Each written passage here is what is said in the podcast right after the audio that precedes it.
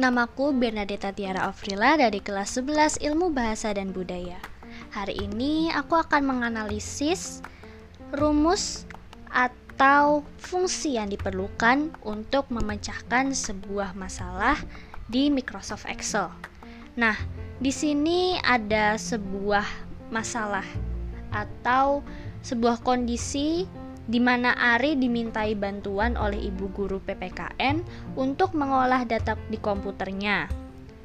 Nah, jadi di sini di datanya diterangkan bahwa Ari diharuskan untuk mengisi daftar nilai jika rata-rata lebih dari 80 ke atas, maka lulus. Jika rata-rata kurang dari 80, maka tidak lulus.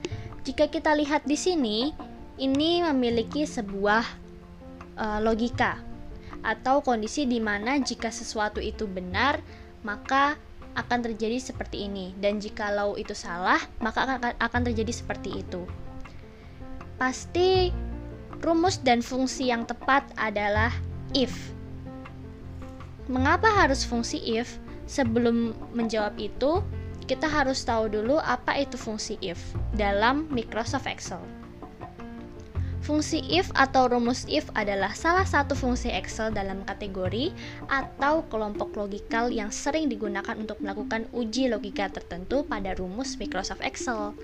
Nah, sama seperti yang terjadi pada uh, Ari tadi, karena dia diharuskan untuk membentuk sebuah data yang berisikan sebuah logika, maka rumus atau logika if ini sangat tepat karena rumus if akan menghasilkan sebuah nilai tertentu jika kondisi yang kita tentukan untuk dievaluasi terpenuhi atau bisa disebut true dan akan menghasilkan nilai lainnya apabila uji logika atau kondisi itu tidak terpenuhi atau data false. Dengan kata lain, fungsi if Excel ini akan melakukan evaluasi terhadap uji logika tertentu yang kemudian akan menghasilkan sebuah nilai yang benar atau true atau nilai false atau salah. Tadi sudah dijelaskan kalau nilai true adalah nilai di mana kondisi tersebut terpenuhi dan nilai false adalah nilai di mana kondisi tersebut tidak terpenuhi. Tapi ada tapinya nih. Karena ada dua logika yang harus dipenuhi, tidak bisa hanya menggunakan satu rumus if saja, tapi kita memerlukan fungsi atau rumus Excel if berganda. Lalu apa sih rumus if berganda ini? Rumus if berganda ini kita gunakan ketika ada lebih banyak logika yang harus kita masukkan terhadap uh, suatu uh, sel atau uh, logika yang harus kita penuhi terhadap suatu data. Rumus if ini sering juga disebut rumus if bertingkat, rumus if bersarang, atau rumus if bercabang, atau dalam istilah lain disebut nested if function. Cara menggunakan rumus Excel if ganda adalah dengan memasukkan fungsi if lain ke dalam argumen kondisi terpenuhi atau argumen kondisi tidak terpenuhi atau pada keduanya sekaligus. Seperti yang kita butuhkan dalam soal kedua atau keterangan kedua yang harus dilakukan oleh Ari, yaitu mengisi predikat. Misalkan jika rata-rata uh, lebih dari sama dengan 90 maka nilainya sangat baik. Jika rata-ratanya lebih dari sama dengan 80 maka baik.